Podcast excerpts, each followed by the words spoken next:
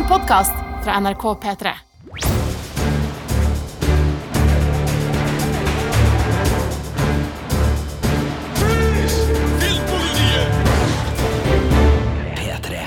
Velkommen til Serietips med Sigurd og Marte! Det er Filmpolitiets podkast du hører på, og Snart, snart sommerferie òg, hører jeg på, på stemmen din, Marte. det er snart sommerferie for meg. Helt på ekte. Eh, Og før eh, jeg går inn i en litt sen sommerferie, eh, så trenger jeg å ha med meg noen gode serietips på veien på hva jeg skal se på iPaden når jeg på en måte telter Vestlandet. Ikke sant? For det er det jeg nemlig skal på ferie i år. Ja, Det er eh, sånn at vi i Filmpolitiet, spesielt meg og Marte, da, vi ser uh, uhorvelig mye uh, TV. Uh, vi har allerede en episode ut hvor vi kommer med noen serietips til Netflix, og i dag så er det serietips til strømmetjenesten HBO Nordic som står på plakaten. Og det her er en liten sånn miniserie som vi lager av podkaster nå i sommer, hvor vi tipser opp mot de ulike strømmetjenestene. Så det her er ikke sånn at vi forfordeler Netflix og, og HBO Nordic nå. Eh, Det skal komme eh, serietips til alle de store trøm- strømmetjenestene nå i, i denne lille podkast-miniserien. Men HBO Nordic, muligens eh, snart HBO Max, hvem vet? Det er i hvert fall HBO Max i USA nå, men enn så lenge her i Norge, HBO Nordic er jo en strømmetjeneste som først og fremst har alle de store HBO-seriene. Altså, da snakker vi Deadwood, vi snakker The Wire, Sopranos, Six Feet Under, Game of Thrones! Sex and the City. Altså, det har jo vært sånn at it's not TV, it's HBO. Altså, Av alle disse TV-leverandørene så har jo HBO hatt liksom et sånt ekstra eh, En ekstra glins av prestisje. Ja, og det har er sånn vært- det er et sånn kvalitetsstempel på seg. At sånn når det er HBO, da veit at det er kvalitet. Eh, har det jo vært opp gjennom eh, åra. Eh, men så er det jo sånn at HBO Nordic har jo ikke bare serier fra HBO. De kjøper jo inn fra litt andre steder også. Ja. Så det er mulig at eh, konseptet har blitt litt vanna ut sånn her til lands. Men det er fortsatt veldig mange gode titler å finne inne i HBO Nordic. Det er det. Og jeg eh, ser litt sånn kjapt på min egen liste nå, så er det vel egentlig bare én HBO-produsert serie jeg har med av de fire jeg bringer til torgs, for vi har fire serier hver vi skal Ja. anbefale i denne podkasten. Så det vil bli litt uh, variert, da. Men uh, i de her podkastene Altså, Vi kunne jo anbefalt uh, Sopranos, Game of Thrones, Six Feet Under og Deadwood. Det kunne glatt ha vært det, Altså, det er fire serier det- jeg anbefaler på HBO Nordic, men vi regner med at dem vet dere kanskje allerede om. Jeg tror folk har hørt om eh, Game of Thrones. Ja, så, så det her er ikke sånn at vi nå har tenkt å komme med de, de veldig ukjente seriene og de som du liksom, altså de skjulte skattene, men det er serier som vi har eh, funnet på vår ferd gjennom eh, sofaenes kongerike og uh, likt skikkelig, skikkelig, skikkelig godt, og som vi tenker at er gode anbefalinger hvis du finner deg sjøl gang på gang sittende og scrolle i strømmetjenestene. Så her har du da noen gode tips som kan være for deg. Vi skal også snakke såpass mye om seriene at vi håper at du finner ut om det her virker å være for deg eller ikke, Ja. sånn at du ikke liksom føler at Uh, å, her kommer det åtte tips som de bare liker, og som jeg sjøl finner ut om det er gode anbefalinger for meg eller ikke. Vi håper vi får snakka såpass greit om dem uten å spoile. At man får en formening om ah, den her har jeg lyst til å sjekke ut, eller ha, dem liker den kanskje, men det gjør ikke jeg. Og det er du som skal få lov til å starte HBO Nordic-ballet her i dag. Take it away, Sigurd Vik. Tusen takk, Marte Henstad. Eh, vi starter med en serie som jeg har sett alt av, men som ikke er ferdig med å gå, fordi den okay. går nemlig nå i sommer på eh, HBO Nordic, altså når vi snakker her ute i julien 2021. Skal, er det en animasjonsserie? Nei, det er ikke en animasjonsserie. Okay, okay, okay. Det, det kunne ha vært, fordi Rick and Morty sesong fem durer og går på, på Ja. HBO Nordic. eh, og det er absolutt en anbefaling, det òg. Men vi skal til en satireserie, en satiredramaserie, som heter The White Lotus. The White Lotus er eh, en velspilt, vakker og ganske så bekmørk kvalitetsserie fra, fra HBO, som blander litt krim, eh, mye komedie og mye kleinhet i eh, et satirisk oppgjør med privilegerte rikfolk. Eh, foregår på et luksushotell slash luksusresort i Hawaii, og uten å avsløre for mye, for det her skjer helt i starten av første episode. Så får vi vite at noen har ikke overlevd uken på ferieresorten. Yes. Litt sånn i Agatha Christie-stil så får vi vite at det har skjedd noe. Vi vet ikke om det er et drap, Nei, men altså, noen har dødd i løpet av den uka. Og så spole tilbake, starte for en uke siden, da en gruppe gjester ankommer det her hotellet, og det er jo sånn at øhm, hotellsjefen har et snev av uh, Basil Fawlty fra Hotell i særklasse Ja. over seg Han er alltid ganske stressa. alltid ganske uh, stressa, og det er da Murray Bartlett, kjent fra den fantastiske HBO-serien Looking, som spiller da uh, Armon, hotellbestyreren.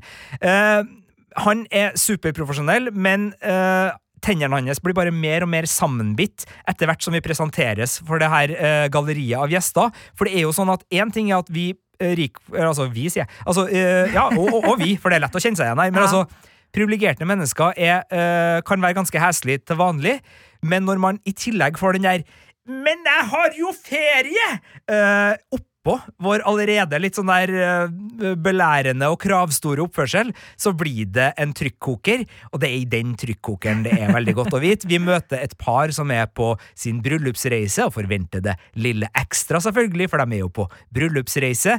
Vi møter en eh, familie hvor eh, mor er en slags sånn der ja, altså en variant av sjef i Google. På en måte, altså Sånn superviktig person i, i sosiale medier.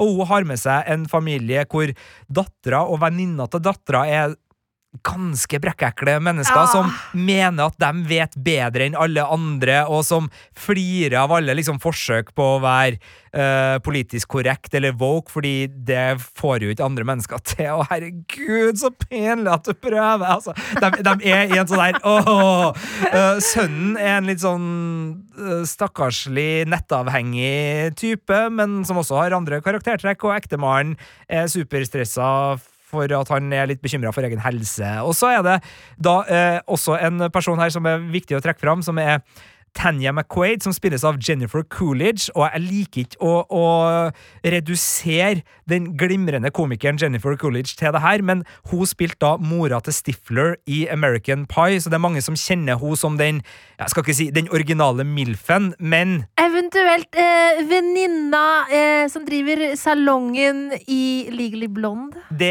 er faktisk en hyggeligere eh, måte å presentere Jennifer Coolidge på, men hun er så mye mer Ja. enn begge disse rollene. Hun er en glimrende skuespiller, og hun spiller da en meget rik dame som bruker sine penger på å eh, sørge for at folk eh, må være rundt deg. Ja. på, på Hun ulike er, vis. eh, virker å være dypt ensom. Ja, eh, eh, ja. Rusler rundt med sin mors aske eh, i en eh, Ja. Altså, eh, nå har vi sagt litt av ting du får vite i første episode, og det her eskalerer. Det her blir eh, Altså, baren er jo døgnåpen, så det er jo masse alkohol her. Det er en del sex her, det er en del scener som kommer til å bli sånne scener som What the fuck? Oh shit? Nei, han gjør ikke det! Uh, uten at jeg skal si noe mer, men altså, det, det, det tar av hele tida med den der lille sånn tanken sånn Å, var ikke noen som døde da? Mm. Ja, for det glemmer man av og til. Man glemmer det innimellom, Mm. for at det er en uh, humorsatiredramaserie som følger liksom uh, bølgerytmen, og, og som går inn i litt den her feriemodusen, som har et uh, veldig sånn bedagelig tempo, men likevel veldig mye god situasjonskomikk. Og så kommer man på det innimellom sånn Å, her skal det jo skje noe, noe høydramatisk. Jeg elsker The White Lotus. uh, virkelig. Det er en serie som er laga av Mike White, som er kjent blant annet for um, Eh, ja, School of Rock-manuset, hvis dere husker den Jack Black-komedien.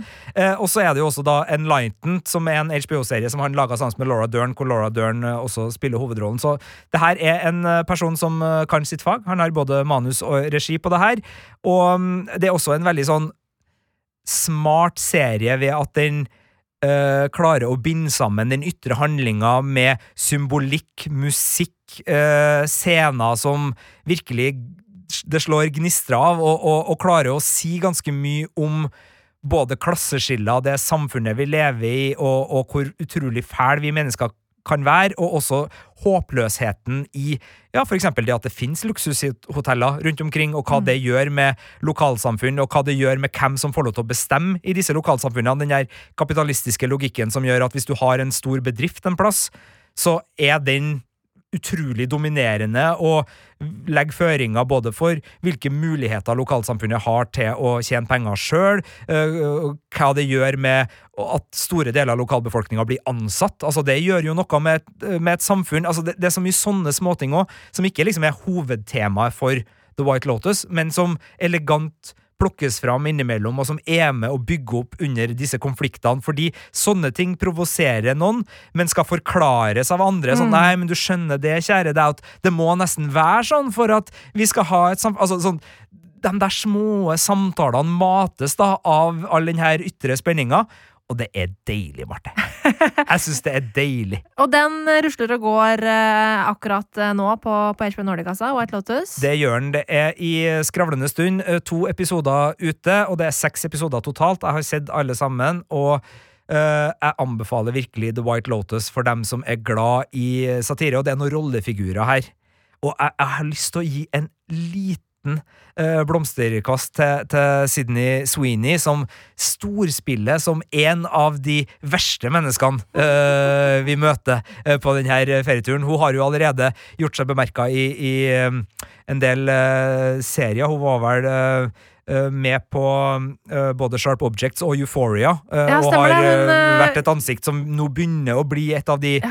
kjente serieansiktene. Var med i Sharp Object også, ja. ja, okay. jeg, jeg, husker henne mest fra Euphoria. Ja, mm. uh, definitivt mest mm. i, øynefallene derfra. Men, men hun er men, rimelig uspiselig i denne serien her, ja. fra, fra, vårt, fra vårt ståsted, egoistisk. norske TV-tittere, vi, vi, kan putte Men, men det, det er så mye detaljer. Altså, ja, ja, ja. Det å bruke Fredrik Nietzsche som altså som tilbehør Men, ja, til Som en til, prop, altså. Ja. ja. En prop i livet sitt. Ja. Uh, og jeg skal på stranda. Da må jeg ha badedrakten, jeg må ha håndduken, jeg må ha med en liten rosévin, kanskje noe dop, og skal vi se, skal jeg ta Kirkegård eller Nietzsche, jeg tar noe Nietzsche for å se intellektuelle ut. Jeg gidder ikke lese den, kanskje, men bare sånn, sånn at liksom folk kan tenke at å ja, der er hun, hun er smart. der har du White Lies. Så det var min første. Uh, går på HBO, er en HBO-serie. Marte, hvor, ja. skal, hvor, skal, vi reise? Fra White Lotus så skal vi over til en eh, serie som faktisk eh, også skal ut på reise. Denne gangen så skal vi først og fremst eh, til Ja, er det Bangkok, da? Nå har jeg glemt hvor, hvor serien starter. Ja, Bangkok. Eh, ja, og det er rett og slett eh, The Flight Attendant. Og det er en serie som eh, er både morsom, eh, men også ganske mørk. Det er et sånn krimdramakomedie eh, som eh, Hva skal jeg si? Byr på den der tropen plaget detektiv, eh, men hvor den klassiske detektiven er blitt gjort om til en flyvertinne i Kayleigh Kyokos skikkelse, kjent fra The Big Bang Theory. Ja, for det er jo det litt uh, rare her. Altså, jeg har i perioder av livet mitt vært veldig glad i Big Bang Theory, som er en av de store uh, sitcom-suksessene de siste 10-12-15 ja, årene. Og hun spiller jo da Jeg husker ikke navnet på rollefiguren, men nab naboen til, til, gutta i The Big Bang Theory. Er det Kelly? Nei, Nei. Ja, det er ikke Kelly.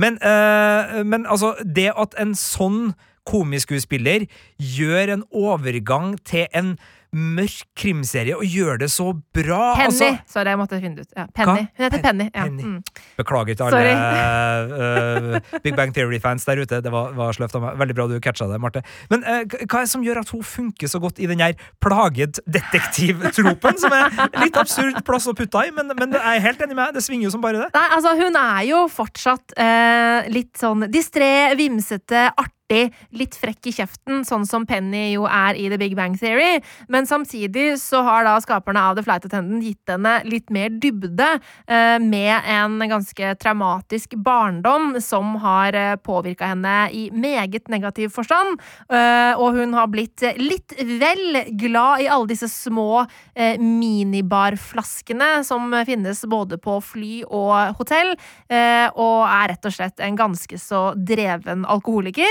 Um, og dette fører til at hun eh, etter en ganske fuktig natt på byen da i Bangkok uh, våkner opp på et uh, råflott hotell med en uh, veldig rik mann ved sin side. Og han er rett og slett brutalt myrdet, og hun aner ikke hva som har skjedd. Får noia, stikker av, tar flyet hjem igjen til USA.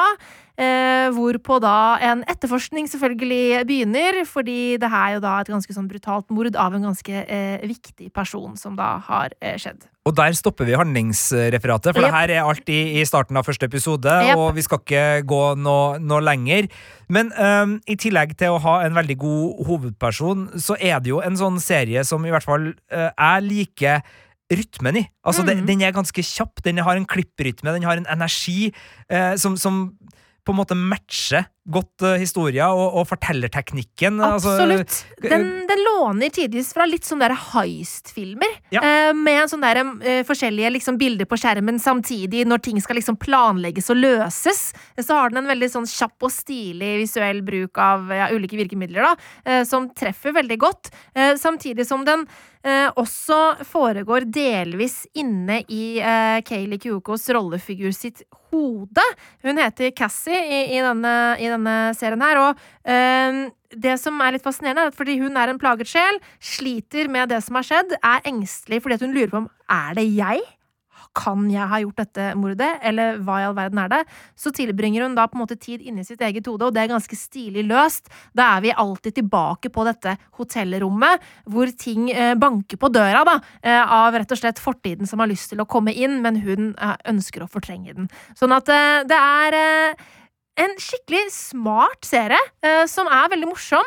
Eh, og, og ganske så mørk. Mørkere enn jeg trodde den skulle være da jeg først eh, begynte å se på den. Ja, eh, Den var nominert til Golden Globe for beste komiserie. Den er nominert til Emmy for beste komiserie. Jeg vil si, hvis du digger typ Killing Eve, Ja, for eksempel, Absolutt. så er det her en uh, naturlig serie å gå videre til. Mm. En, en frisk liten godbit. Virkelig. Og den var ment å være en miniserie da den først uh, gikk på lufta.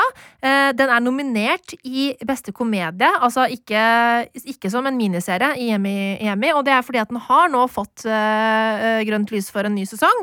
Um, og det Uten å avsløre noe, så kan jeg si at eh, sesongen legger opp til at det kunne ha blitt en ny sesong, sånn at det føles ikke eh, malplassert at det nå kommer en sesong to, men det føles litt sånn 'å, kult', jeg har lyst til å tilbringe mer tid til det her universet, og jeg gleder meg til å følge Kayleigh Kyoko som Cassie videre, fordi The Flight Attendant er virkelig en liten eh, godbit, rett og slett.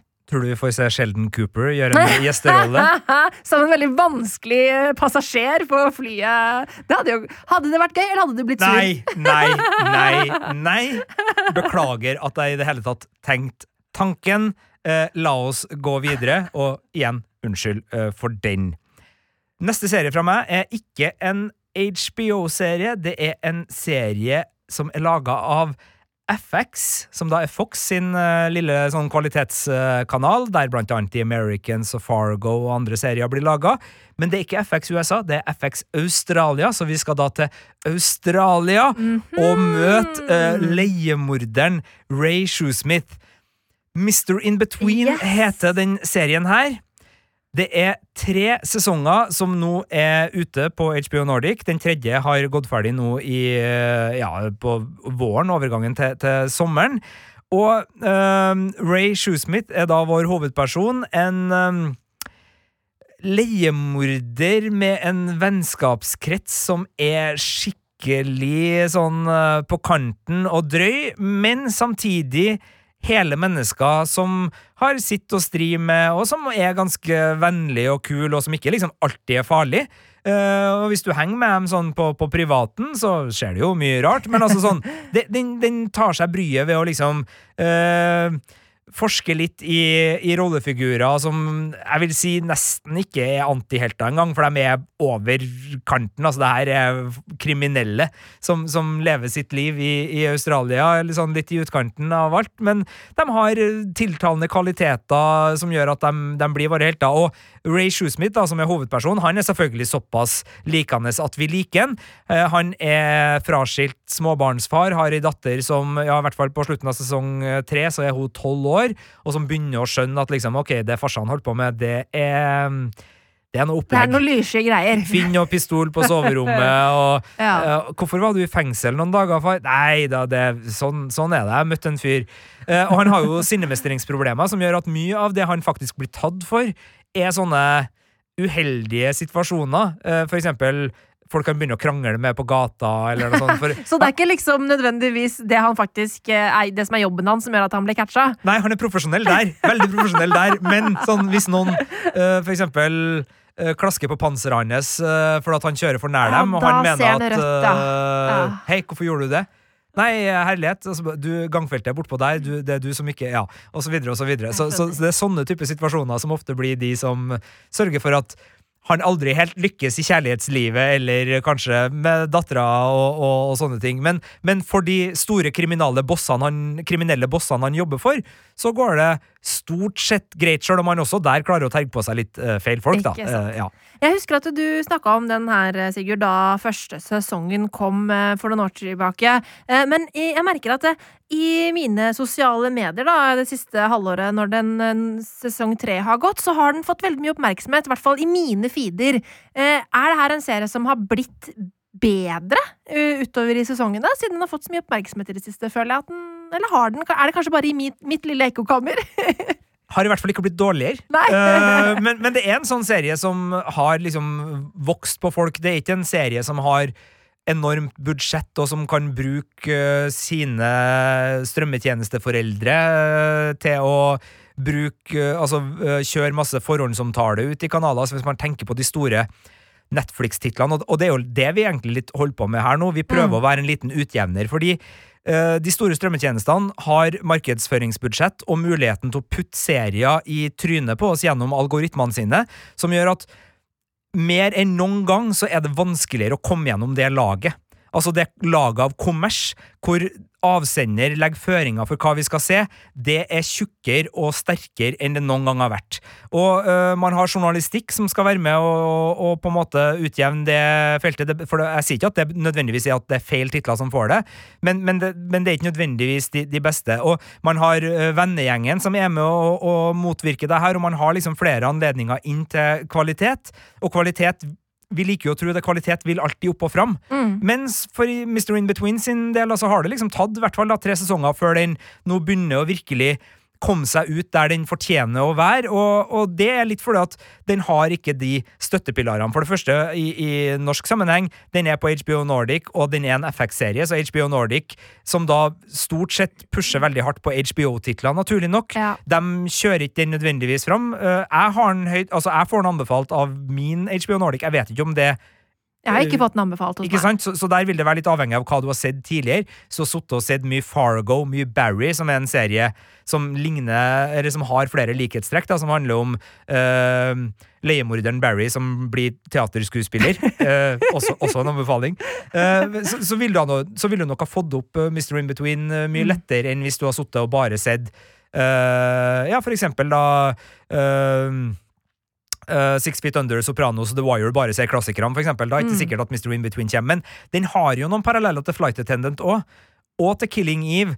Og til Barry, så, så hvis du er liksom i den sorthumoristiske lille gryta til HBO, så vil nok Mr. In Between være der. Men uh, jeg skal ikke kjøre en lang rant på det der med, med, med forhåndsomtale og, og kommersielle føringer, men, men det er en bolk som har blitt veldig uh, Altså, Disney, Netflix, HBO, Amazon har liksom alt på sine hender, nå som de alle har sin strømmetjeneste.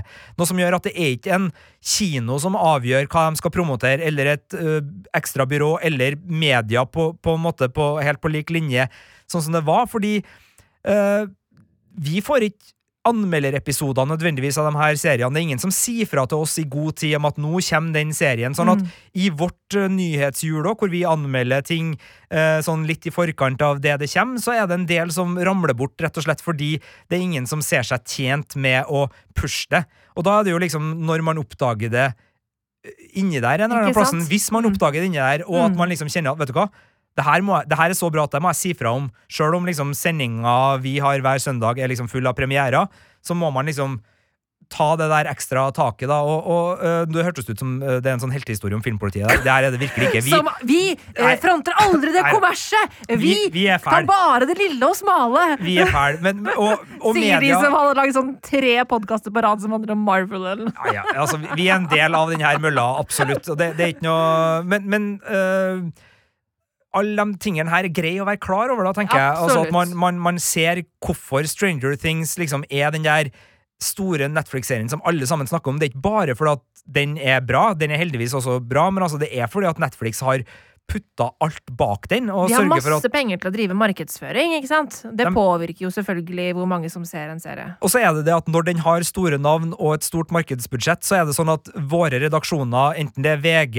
eller Aftenposten eller NRK eller TV 2, sånn Skal dere anmelde den der Stranger Things-serien som kommer? Den, er kjempes, uh, altså, den ser kjempespennende ut. Jeg har sett traileren, og jeg ser at det er masse store navn. Altså, sånn, så blir det der en sånn der eh, eh, maskineri som, som hauser opp seg sjøl. Ja. Sånn er det på kino. Liksom sånn, de siste, den siste uka så har vi anmeldt tre terningkast to-filmer. Ja, Grunnen store stjerner. ja. Stor forhåndsomtale. Chaos Walking. The Ice Road. Mr. Hitmans Bodyguard Wife. Et eller annet blæ. Det, det er liksom det store navn, Ja. så det, det, og da, da setter pressen søkelyset på det. For Ja. det antar vi at folk har lyst til Eller uh, altså sånn Det vil folk vite noe om. Det har en forbrukerkomponent som er viktig, selvfølgelig, fordi det her er filmer som folk øh, blir tiltrukket av på kino. På da er det viktig å si om det er bra ja. eller ikke, men Mm. det har også Det her ble en lang rant. Nå skal jeg gi meg. Mr. In Between, kjempebra! Kjempebra! Liker Mr. In Between veldig godt. Liker også jobben min. Ikke gi meg sparken, NRK. Kjempefint hvis det ikke skjer. Syns også øh, ja, øh, det er artig med, med kommersielle ting. Altså, så det er ikke sånn at kommers er Altså, ja, fælt, altså, vi i Filmpolitiet, uh, vi har ingenting vi skulle ha sagt. eh, men vi liker jo Vi syns det er viktig å trekke frem de mindre tinga også. Ja. og så det er, vi glad for at vi har muligheten til. ja, det, er, ikke- det er ikke den minste lille knøttet på HBO Nordic, Mr. In Between, altså. men, men det er en liten serie som fortjener et større publikum. Ja. Hvis du elsker Tarantino, Gladvold øh, og sort øh, komedie, litt sånn øh, Cohen-aktig, Mm. eller Killing Eve, Flight Attendant, Barry, den type litt sånn øh, antihelt øh, med blod på fingrene-type hovedpersoner, så er Mr. In Between relativt uh, rett opp i gata. Det fins også en film som det her egentlig har sitt utspring fra, som er en 2005-film som heter The Magician. Den har ikke jeg fått tak i ennå, men jeg har nå planer om å, å skaffe den på DVD, for det her vil jeg få se. Og så må jeg bare si tusen takk til For det her er en kollega av meg i NRK som fikk meg inn på Mr. In Between-kjøret. Are Sende Osen, tusen hjertelig takk for at du uh, tipsa meg tidlig om uh, Mr. In Between. Det har vært en glede å følge uh, den serien, så nå er det pay it forward-øyeblikket mitt. Ja. Til alle dere som hører på, se Mr. In Between. Hvis du ikke allerede har gjort det da, og syns jeg er håpløst bakpå her, det er også riktig.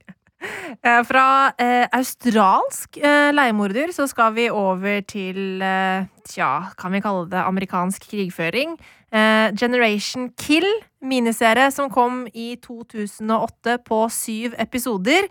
Dette her er ikke eh, den eh, hva skal vi si, vante krigsfilmtropen med sånn patriotisme og heia USA, vi er fantastiske, fordi dette er jo da en miniserie som er basert på virkelige hendelser fra Irak-krigen, eh, da Rolling Stone-journalist Evan Wright var embedda med troppene under invasjonen av Irak, eh, og skrev bok om det etterpå.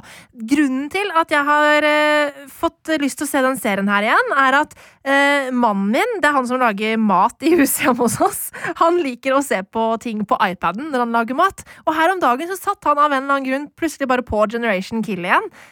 Så jeg ble stående og se på liksom sånn over skulderen hans mens han sto og lagde mat, og da kom jeg på hva for en utrolig bra serie det her er. Altså, det er jo uh, Band of Brothers som kanskje er den der største mm -hmm. uh, militærdramaserien som ligger på HBO Nordic, og som kanskje er enda mer kjent, men det er vel ikke noe mange grunner til at Generation Kill skal ligge noe særlig tilbake for Band of Brothers. Den er bare ikke. fra en annen krig og, og har en litt annen stil. Ja, den har en ganske annen stil, der Band of Brothers uh, har veldig stort fokus på liksom det derre heltemodige, og liksom Man sitter jo og gråter når man ser disse gamle kara snakke om eh, hvordan eh, livet har vært, og det kameratskapet og det båndet, og liksom Det er veldig sånn heroisk, hele opplegget, selv om det òg er gritty og stygt.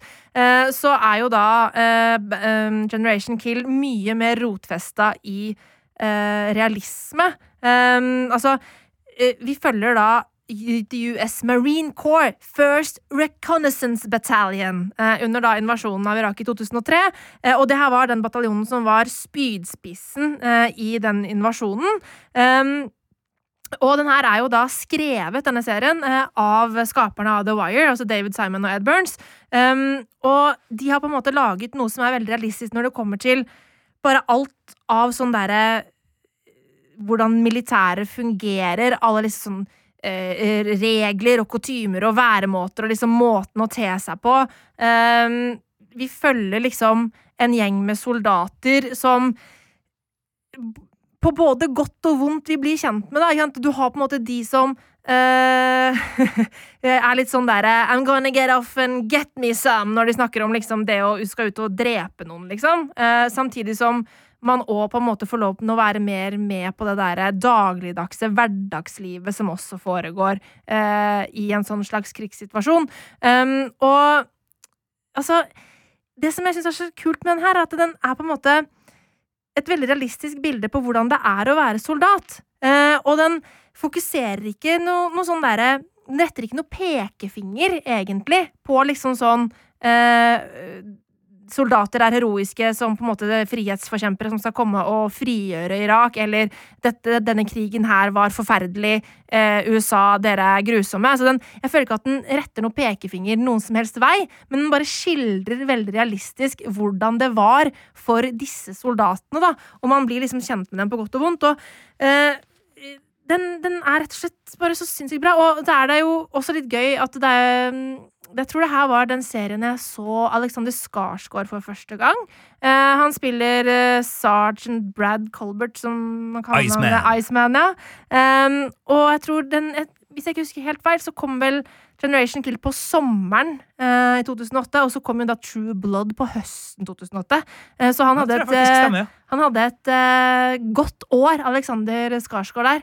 Er bare Eric the Viking. Ja, men den derre gjengen med soldater, da. Det, det kan være litt sånn kaotisk. Altså, det er ganske mange rollefigurer å bli kjent med uh, i starten. Men, men likevel, man kommer liksom veldig sånn tett på de, da. Uh, gjennom den sesongen her. Og ja, viser på en måte invasjonen av Irak helt nede på bakkenivå. På, på liksom både det fæle og grusomme, men også, også sånn som i Band of Brothers, det derre kameratskapet som også knytter soldatene sammen, da. Så den eh, Hvis man er interessert eh, i vet ikke, soldatlivet, eller interessert i hvordan på en måte et militært liv fungerer, så tror jeg det her er en veldig realistisk skildring av akkurat det. Og syns jeg det òg er veldig interessant at den serien her kom jo før krigen var ferdig. Um, den kom jo i 2008, krigen var vel ferdig i 2010 eller noe sånt. Uh, sånn at uh, jeg syns det er kult at uh, serieskaperne liksom ikke legger noen fingre mellom. De kunne jo, når ting er såpass nært og fortsatt veldig betent, vært litt sånn på en måte engstelige for å vise de fæle tinga. Men det syns jeg ikke at de gjør. De på en måte legger rett frem ut hvordan ting var, da. Og det syns jeg er kjempespennende. Det er en uh, kvalitetsserie fra HBO, for den er Den er- produsert av uh, HBO. Så da er ja, vi ja. tilbake på Og fra, ja, som sagt, noen av HBOs største serieskapere, altså David Simon og Ed Burns. Mm. Virkelig. Og, og en uh, moderne klassiker, eh, kan Absolutt en si. moderne Altså, klassiker. at, I hodet mitt da, så er liksom Band of Brothers, The Pacific og eh, Generation Kill Ja, De men liksom- men de er lette lett å nevne. Ja, men The Pacific og Band of Brothers er mer sånn storslagne. Men kvalitet altså, sånn, Generation Gill er ikke, eh, er ikke storslagen. Den er mer sånn gritty, liksom. Fader ullan, altså. Jeg har så dårlig norsk råd Gritty. Rå. Skitten, rå, brutal. Ja. Det er mm, et uh, meget godt tips. Da er vi halvveis i uh, tipsrunden for HBO Nordic uh, her, og vi går fra krig til vampyrer. Men Vi skal ikke til True Blood. vi skal ikke til True Blood. Vi skal heller ikke til HBO. Det er nok en gang eh, ganske sikker på at det her også er FX, altså Fox, eh, produsert. Eh, Nå må jeg bare dobbeltsjekke så jeg ikke Ja da, det er det. Eh, Og det kommer fra, på sett og vis, to av mine favoritt-newzealendere. Det er på sett og vis barnet til Taika Waititi, som er kjent blant annet for å ha laga Thor Ragnarok, som er en av de aller beste og mest underholdende og morsomste Marvel Cinematic Universe-filmene.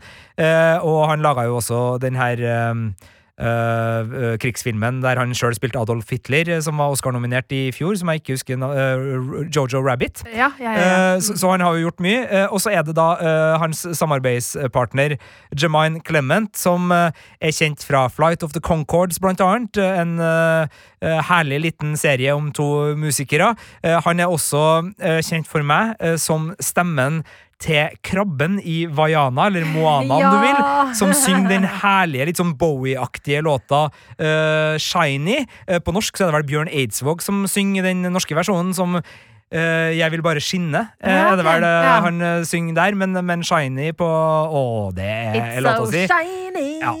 Og de to laga sammen i 2014 filmen What We Do In The Shadows, som da var en slags Jeg tror Birger eh, Vestmo, vår kjære kollega, kalte det vampyrfilmens Spinal Tap. Eh, og Spinal Tap er jo da uh, rocke-mockumentaryen fra det glade 80-tall som het Hjelp, vi er i popbransjen på norsk, og som er en sånn der uh, tullefilm som tar alle klisjeene og, og rockemytene og, og fillerister dem lite grann. Uh, og det her er da en, en litt sånn samme greie med vampyrfilmen, hvor vi møter da eh, Det er litt sånn reality Eller sånn et uh, doku-team som følger en gjeng vampyrer. Eh, og det ble da eh, dratt over i en serieversjon som nå er ute med to sesonger. Eh, What We Do In The Shadows er bare fjas. Eh, Det er en eh, skikkelig runde med eh, sånn deilig filosofering rundt hva vampyrer egentlig er, og hvordan de ville ha oppført seg i dagens samfunn hvis de var litt sånn uh, pompøs og sjølhøytidelig og har levd i, i mange, mange hundre år. Eh, samtidig så ser den litt på sånn her hvilke ulike vampyrtyper kanskje finnes. Altså Man har jo eh, Min favorittrollefigur eh, i, i alt dette her er jo da eh, vampyren Colin. eh, Som da er en energivampyr som bare suger livskrafta ut av et rom. Som bare drainer, på godt norsk, eh, eh, deg for livskraft, ikke blodet ditt. Tapper deg for livskraft. Tappe deg for livskraft ved å være utrolig omstendelig og kjedelig Ja. i samtalene. Spør om ting du ikke har lyst til å svare på. Og er liksom, han er den personen du liksom prøver å unngå i et middagsselskap. Ja. Eh, Så du har liksom den spoofen, samtidig som du har liksom rivalisering mellom ulike vampyrer fra gammelt av, og hvor både kjærlighet og makt og posisjon spiller inn. eh, I det her lille huset på Long Island, da, hvor den her vampyrgjengen eh, har tilholdssted. Det er så nydelig. Og ja, jeg elsker jo vampyrsjangeren. eh, og jeg elsker Taika Waititi, så jeg syns det her er veldig, veldig gøy. Men hva tror du, Sigurd? Eh, er det sånn at man må man ha noe forhold til vampyrsjangeren? Altså, man syns jo selvfølgelig ting er ekstra morsomt eh, når man tar på en måte referansene og hva som harseleres med, men kan man gå inn i uh, What We Do In The Shadows etter for eksempel bare å ha sett Twilight? Eh, det kan man. Eh, man trenger ikke stor eh, kunnskap, eh, men den er jo eh, glad i å hylle sitt opphav, og det er en eh, scene i eh, Hvordan kan jeg si det her uten å spoile, da? La oss bare si det sånn. Det blir både stjernespekka og veldig filmhistorisk relevant uh, uti What We Do In The Shadows en plass, hvor alle som er glad i vampyrfilm, får en gave som det nesten føles litt sånn til meg? Har du, har du gjort det her til meg? Altså, det, det føles så overdådig, da, fordi jo, vi har jo snakka om uh, om uh, Waititi og, og Jermaine Clement her. De er jo med i filmen. Ja. Uh, og det er Jermaine Clement som er serieskaper her òg, og, og Waititi står bak. Men det er ikke dem som spiller hovedrollene. Altså det er Serieversjonen har liksom litt sånn Det, er- nye folk, det er kjente ansikt, men, men det er liksom ikke Men uh, de har sørga for at uh, gjesterollelista her er relativt uh, celeber eh, i, eh, i perioder. Men det er bare en kjempeartig komedie som da foregår i det her huset på Long Island hvor vampyrene bor, og prøver å både finne ut hvordan de skal leve med hverandre, og, og sørge for at de får gjort det de trenger for å være vampyrer. Og jeg elsker det, og det er akkurat min humor, og det er to deilige sesonger. Pluss eh, filmen, da, selvfølgelig, som også er en godbit. Så hvis du liker tullfjas og newzealandsk humor, sjekk ut What We Do In The Shadows. Å, det er helt nydelig. Eh, Vi skal fra vampyrer til eh, ja, noen som kanskje oppleves å av og til suge energien ut av folk. Eh, en- journalister. Ja. Vi er også energivampyrer på vårt eh, vis. Kan, eh, noen journalister kan på et vis eh, være det.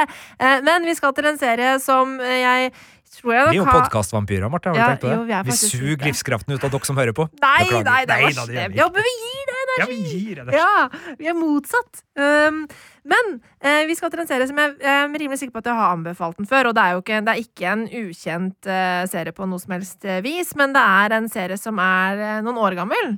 Hva heter den? Den heter The Newsroom. Det er Jeff Daniels, det. Det er Jeff Daniels, og det er Aaron Sorkin som står bak. Uh, og- altså det er jo fyren som, som laga The West Wing og The Social Network, uh, among other things. Et spørsmål eh, om The- ære. Trial of the Chicago Seven ja, nå sist på, på Netflix. Ja. Han er jo en helt fantastisk manusforfatter, eh, og han har jo da med The Newsroom laga en serie som eh, handler om journalister, og som journalister så syns jo vi det er ekstra gøy, i hvert fall gjør jeg det.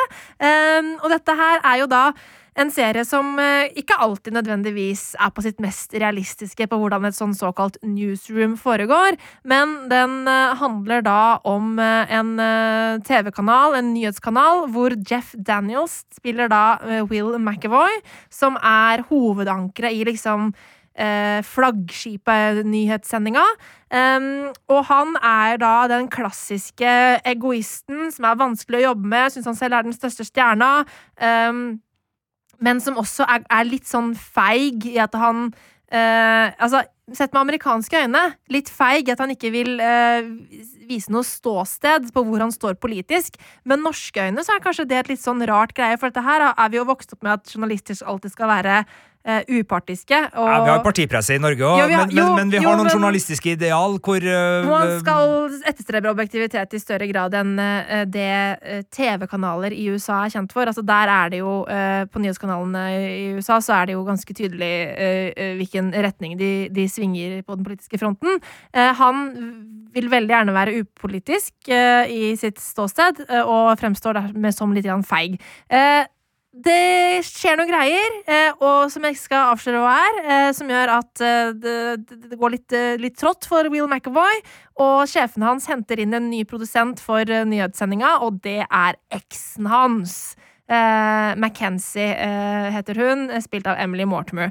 Så så er det da drama, ikke sant.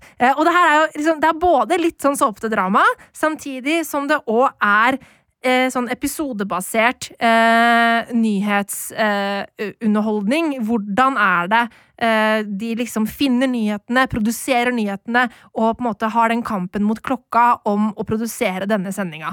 Eh, og det er rett og slett dritgøy.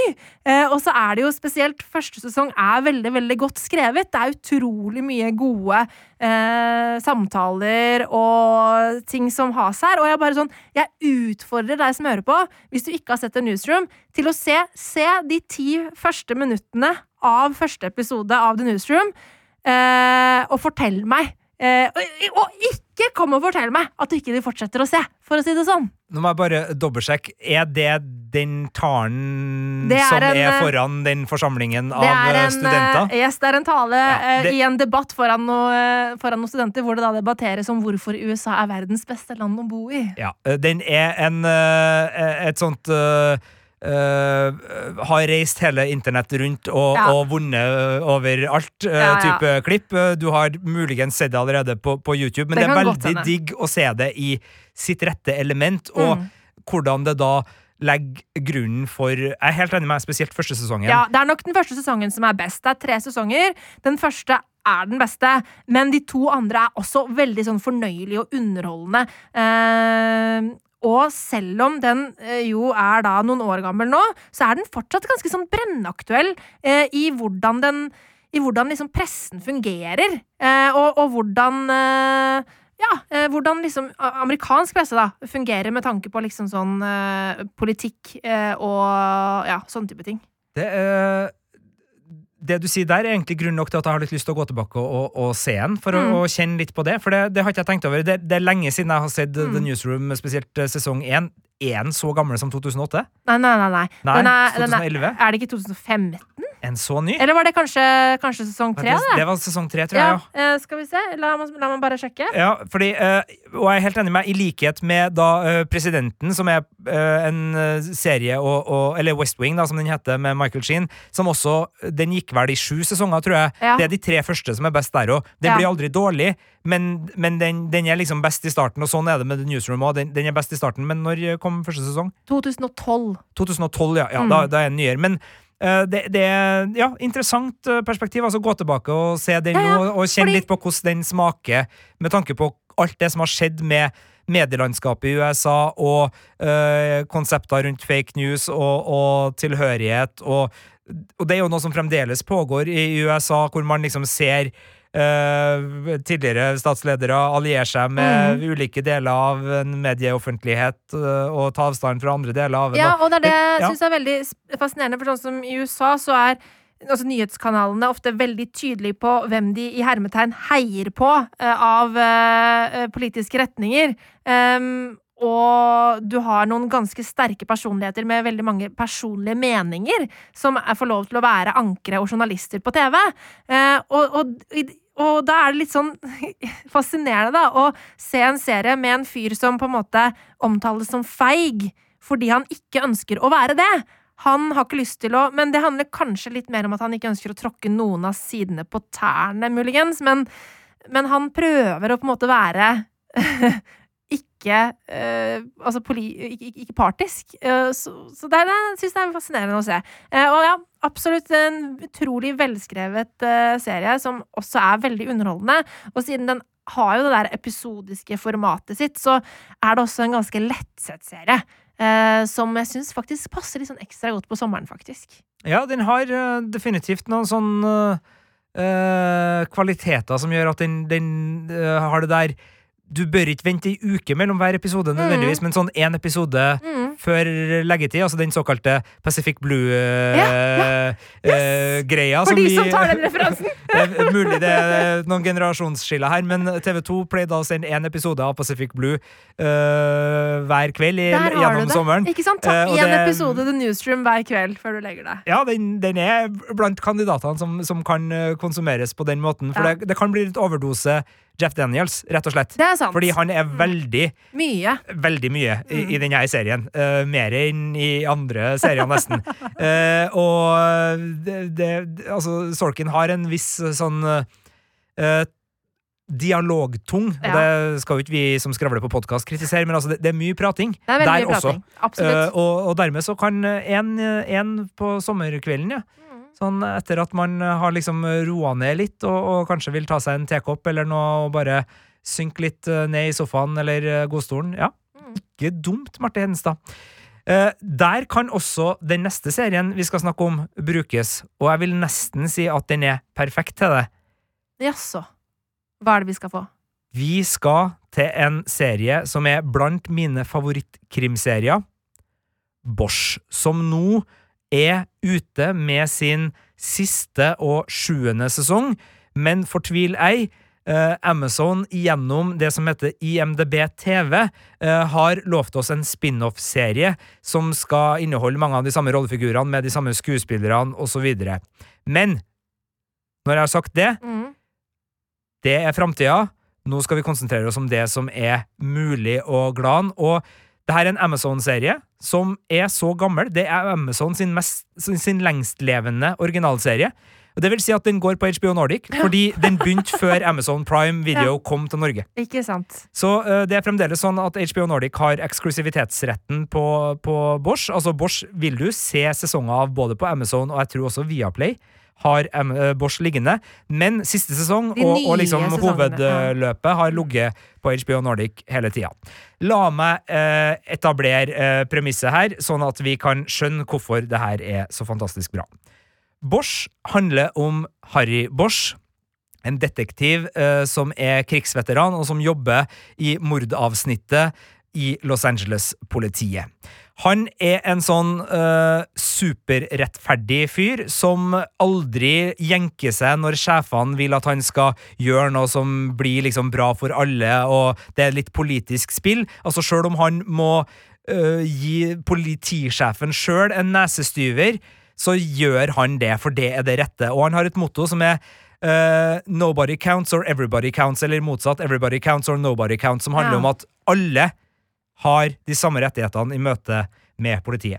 Og det er en sånn deilig grunnpilar å jobbe ut fra, for da vet vi at sjøl om han vingler, og det gjør han, for han er ingen, hva heter det, kirkekorgutt, eh, han eh, har metoder som er på kanten, og han gjør en del ting for å få ting til å bli sånn som han mener at de skal være. Ja, okay. Men fordi vi vet akkurat hvordan hans moralske kompass er kalibrert, så kan vi ta stilling til de i utgangspunktet der, og ikke på en måte i en sånn der Ja, sånn kan ikke en politimann gjøre. Altså, det kan godt være vår holdning til det, men vi vet i hvert fall hvorfor han gjør det han gjør. Og så er det en uh, solfylt uh, Los Angeles-hverdag vi møter på dagtid. Natta er bekmørk.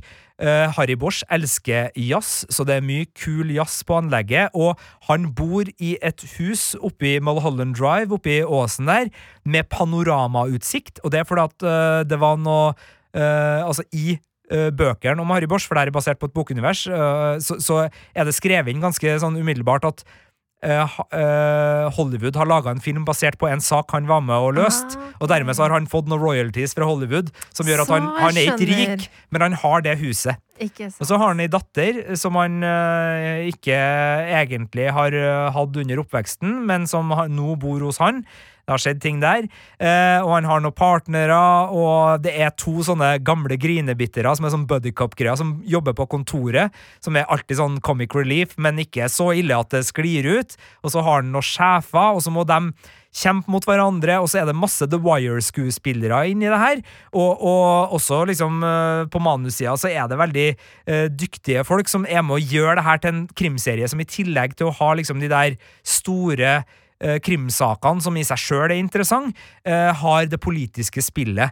Eh, her er det liksom borgermesterkandidater og politimesterkandidater som ruller opp til hverandre i hver sin svarte SUV på gata for å liksom bare sånn Du, hvis jeg får den saken til å forsvinne, hva kan vi få til? Altså, det, det er mye av det der spillet, og, og jeg merker at jeg elsker det. Jeg elsker jo også bøkene. Jeg har lest alle, og, og Michael Connolly, som da er forfatteren, han skriver jo det her på, på nydelig vis, og han er sjøl også litt sånn med i produseringa, så det her er ikke en serie som er liksom uh, forfatteren sjøl skjemmes over. Det er Nei. veldig sånn nært. Og så er det jo Titus Welliver, blant annet kjent fra Deadwood og en del andre, sånn, og Sons of Anarchy, en del kvalitetsserier, som her får en rollefigur som han bare har vokst sammen med. Det er også han som leser lydbøkene på Bosch nå, som, som gjør at liksom hele det universet med bøker og serie og lydbok og den her spin-offen hvor Titus Welliver også skal være med på, er liksom en helhetlig plass, da. Sjøl om Harry Bosch-figuren måtte endres ganske mye, for han er egentlig Irak-veteran. Nei, han er egentlig Vietnam-veteran. Ja. En såkalt tunnel rat, altså dem som gikk ned i bekmørke tunneler for å spore opp fiender. Var han en liten fyr, da? Nei da. Ok, eh, jeg tenkte er at, en, eh, eh, tenkte at liksom det var de små folka Nei, de det er å dem som tåler å de sitte ned i små! De hører, har du sett ja, de hører, jeg har ikke vært i, i Ja. Men, men det, det er bakgrunnen hans, da, Ja. egentlig fra Vietnamkrigen i Ok, bøkene. Men i TV-serien så er han en Irak-veteran, som gjør da på en måte har at gjort en eh, nyere versjon. Liten vridning der, men altså han har jo da også den der militærbakgrunnen Mm. som eh, gjør at han er relativt eh, eh, hardtslående og kyndig i disse nærkampene som av og Han, oppstår. han høres ut som en såkalt hardkokt eh, detektiv. Og det er jo det deilige. Altså For oss som elsker uh, Philip Marlowe og Perry Mason og liksom gammel L eh, Los Angeles-krim, vi får jo så utrolig mye fra det her universet, både fordi at landemerker og eh, stilgrep og en del sånn noir-elementer går igjen, Uh, både i litt sånn hyllest-homasj-sekvenser, men også som en sånn naturlig del av denne type Los Angeles. da. Han er jo også i litteraturen uh, halvbroren til Mickey Haller, som er en advokat som skal få sin egen Netflix-serie nå, og som er hovedpersonen i The Lincoln Lawyer, altså Ja. filmen hvor Matthew McConaughey spiller Michael Haller. Så det er da halvbroren til Harry Bosch. Eh, så det, det er også en sånn liten sånn interessant greie, og dessverre så blir det ikke Matthew McConney som skal spille uh, Mickey Haller i Netflix-serien. Det toget har på en måte gått fra han, sjøl om han var interessert i å gjenta den rollefiguren. Uh, men, men det, det, er liksom Det er den verdenen, da. Mm. Så, så, hvis noe av det jeg har drevet og skrøtt uhemma av nå, ja, resonnerer, så ja. Kjempeinteressant ut. Jeg har jo ikke sett Bosch. Ingenting av det nada. Men jeg blir jo veldig engasjert, eh, for du, du gløder jo! Ja, det. Og det tror jeg, det tror jeg høres ut gjennom høyttaleren også for de som hører på. Eh, at du, at du, virkelig digger det her. Eh, men jeg lurer på, hvordan er det sesongen er lagt opp? Er det er det et uh, mysteriumdrap i, i, sesongen, eller er det episodebasert, eller hvordan, hvordan funker dette? Det er par saker per sesong. Ja. Uh, en sånn veldig dominerende, og gjerne en eller to sånn attåt. Som gjør at man får uh, brukt hele rollegalleriet. Og, uh, og, sånn er også litt bøkene innimellom. at alle detektivene til Michael Connolly har liksom Det er en hovedsak, men de driver og, og kanskje løser dem en, en sak ved siden av, eller det er noe som knyttes til noe som kan brukes på det personlige plan. Så, mm. så det er en veldig sånn fin symbiose. Den føles ikke uh, dytta i en boks. Det føles ikke som de har dytta den inn i uh, den her procedural-boksen hvor det skal løses en hver. Og det føles heller ikke som de har dytta den inn i den her én rød trådsak per sesong. Så det, det går litt over, og, og, spesielt de tingene som går med korrupsjon i politiet, øh, andre politifolk som gjør ting som kanskje ikke er helt riktig, og, og Harry sitt forhold til det, og fiender han har blant sine kollegaer, venner han har blant sine kollegaer, familierelasjoner.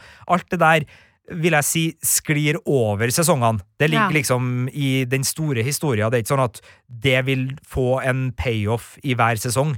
Men, men sakene løses, om ikke alltid på det tilfredsstillende viset hvor du føler at du kan putte ei sløyfe rundt det og si at ja, det var den, og så neste.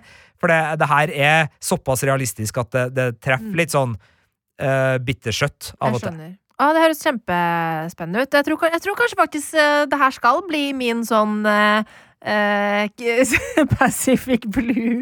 Se, se, en episode på kvelden før jeg legger meg. Litt, litt tyngre enn Pacific Blue, skjønner jeg, men, men masse, masse, solskinn også her, selv om ja, han er sjelden på stranda. Han er sjelden på stranda. Kjører han mye sykkel? Sjelden på sykkel.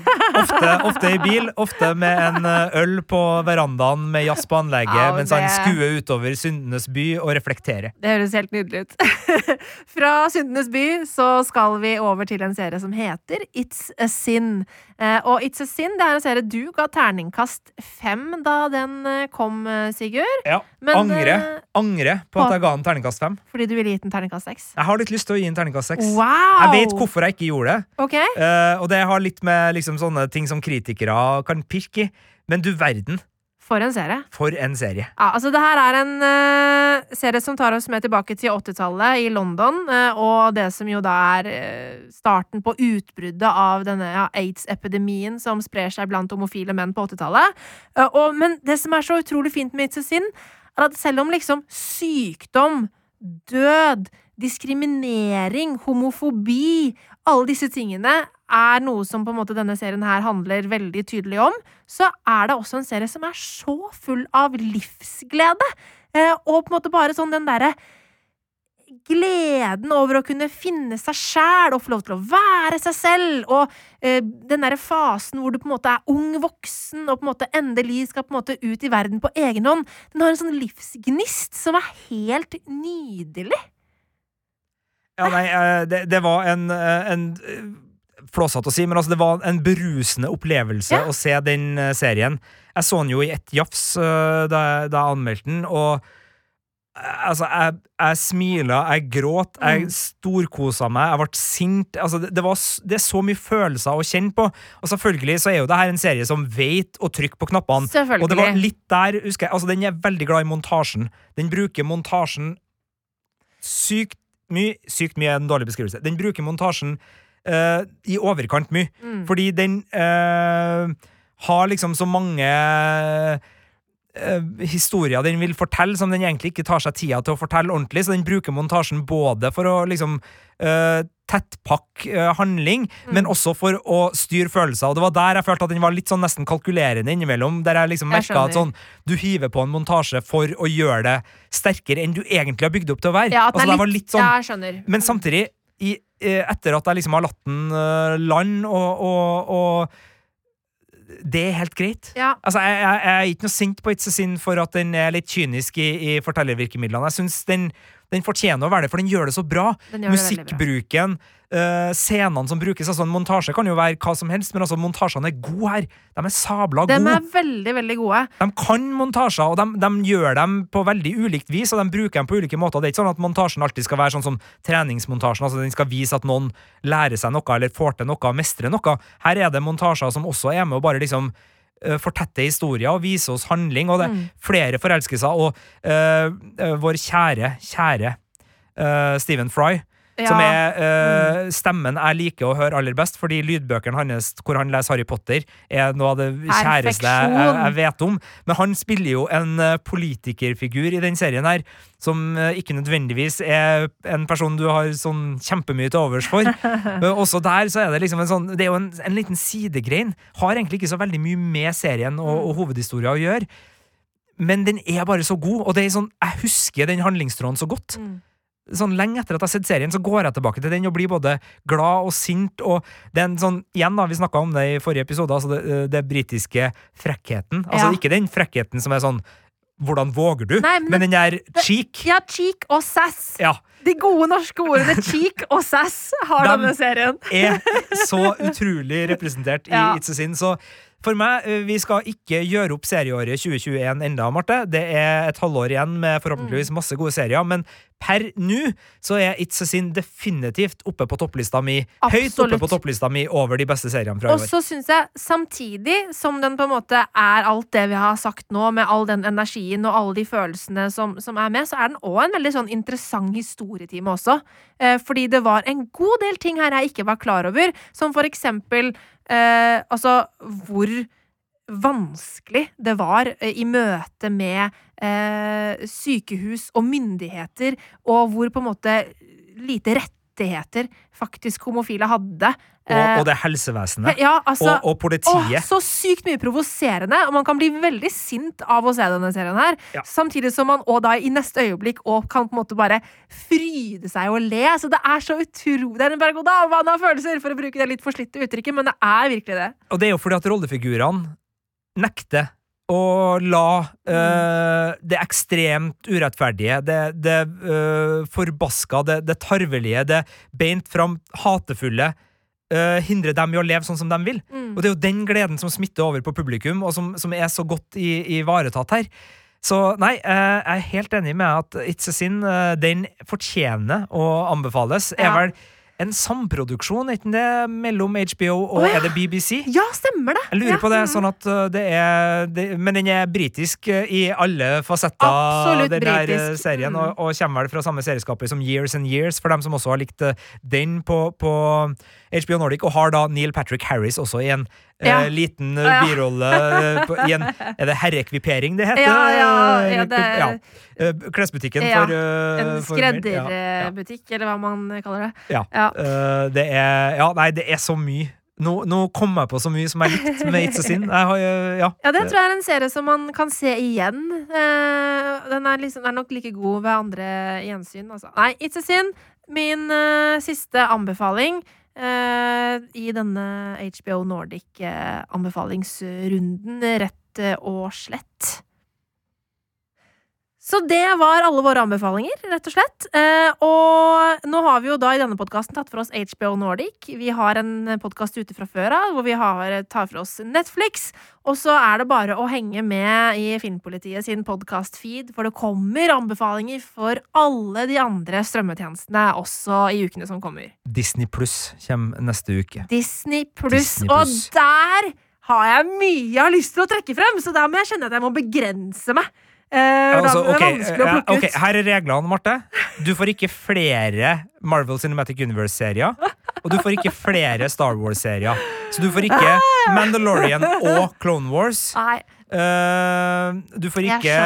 WandaVision og Loki. Men alle disse seriene, er det, er det sånne type serier vi skal anbefale? For er ikke de veldig obvious? Jo, det, altså Må vi ikke grave litt dypere inn i Disney-universet der? Vi må Kanskje? Ja, vi, vi må gjøre begge deler. Ja, altså, vi kan glede oss over noen som vi virkelig har blitt Noen begeistra over. Ja. Så vi får ikke krangle over hvem som får lov til å anbefale det The Mandalorian. Okay, det, Den kan vi avgjøre nå. Vi skal ikke ha med The Mandalorian, okay, okay. for den er ferdig anbefalt. okay, yes. så så den, den kan vi legge død. Men det her er jo den ferskeste Nei, det er ikke sant. Paramount Plus er ferskere. Men det er, eh, og Apple TV Plus kommer sånn cirka samtidig. Men det er en av de ferske strømmetjenestene, det her. Ja. eh, som eh, ganske lenge bare hadde uh, sine egne på en måte av liksom Disney-produksjoner, mm. men så åpna de jo den skattkista som var Star, som de kaller det, Stemmer. som da gjør at uh, mer Disney-aid innhold eh, Blant annet uh, en Nathan Fillian-serie som uh, vi begge er ganske glad i. Oi, oi, oi, oi. Skal vi krangle? Nei nei nei, nei, nei, nei. nei, Men jeg har sittet og sett alt av Castle i sommer. Det kan jeg bare innrømme. Ja, okay, okay. Jeg havna på et gjensyn der. Var ikke det den Nathan Fillion-serien jeg tenkte på, nemlig. Nei, OK. Det er andre ting, er andre der, ting i, ja. I arkivet. Håper det er nok til å få dere eh, hekta på. Eh, også takk eh, serieskaper Russell T. Davies, som da laga It's a Sin for A Very English Scandal og Ja. litt Dr. Who-arbeid, for det var det jeg glemte av når vi snakka om han, i tillegg til Years and Years. Ah, HBO Nordic, dere fikk tips om å se The White Lotus, Mr. In Between, What We Do In The Shadows og Bosch fra meg, og Marte Henstad, du tipsa om Jeg har tipsa om The Flight Attendant, Generation Kill, The Newsroom og It's a Sin. Høres igjen neste uke. Du store alpakka! Før så samla vi oss for å høre på radioen. Nå lytter vi på hva vi vil, når vi vil, og mest for oss sjøl. Podkast fra NRK. Vi lytter for å fylle ventetid, bli underholdt, oppdatert og litt klokere. Vi lytter for å la oss bevege av sterke historier. Eller bare av musikk. Så selv om mye har forandra seg, er det viktigste som før. Podkast og radio samler oss. For selv om vi nå lytter mest for oss sjøl, er vi aldri aleine når vi hører på. NRK Radio vi hører sammen. Hør podkaster og din NRK-kanal i appen NRK Radio.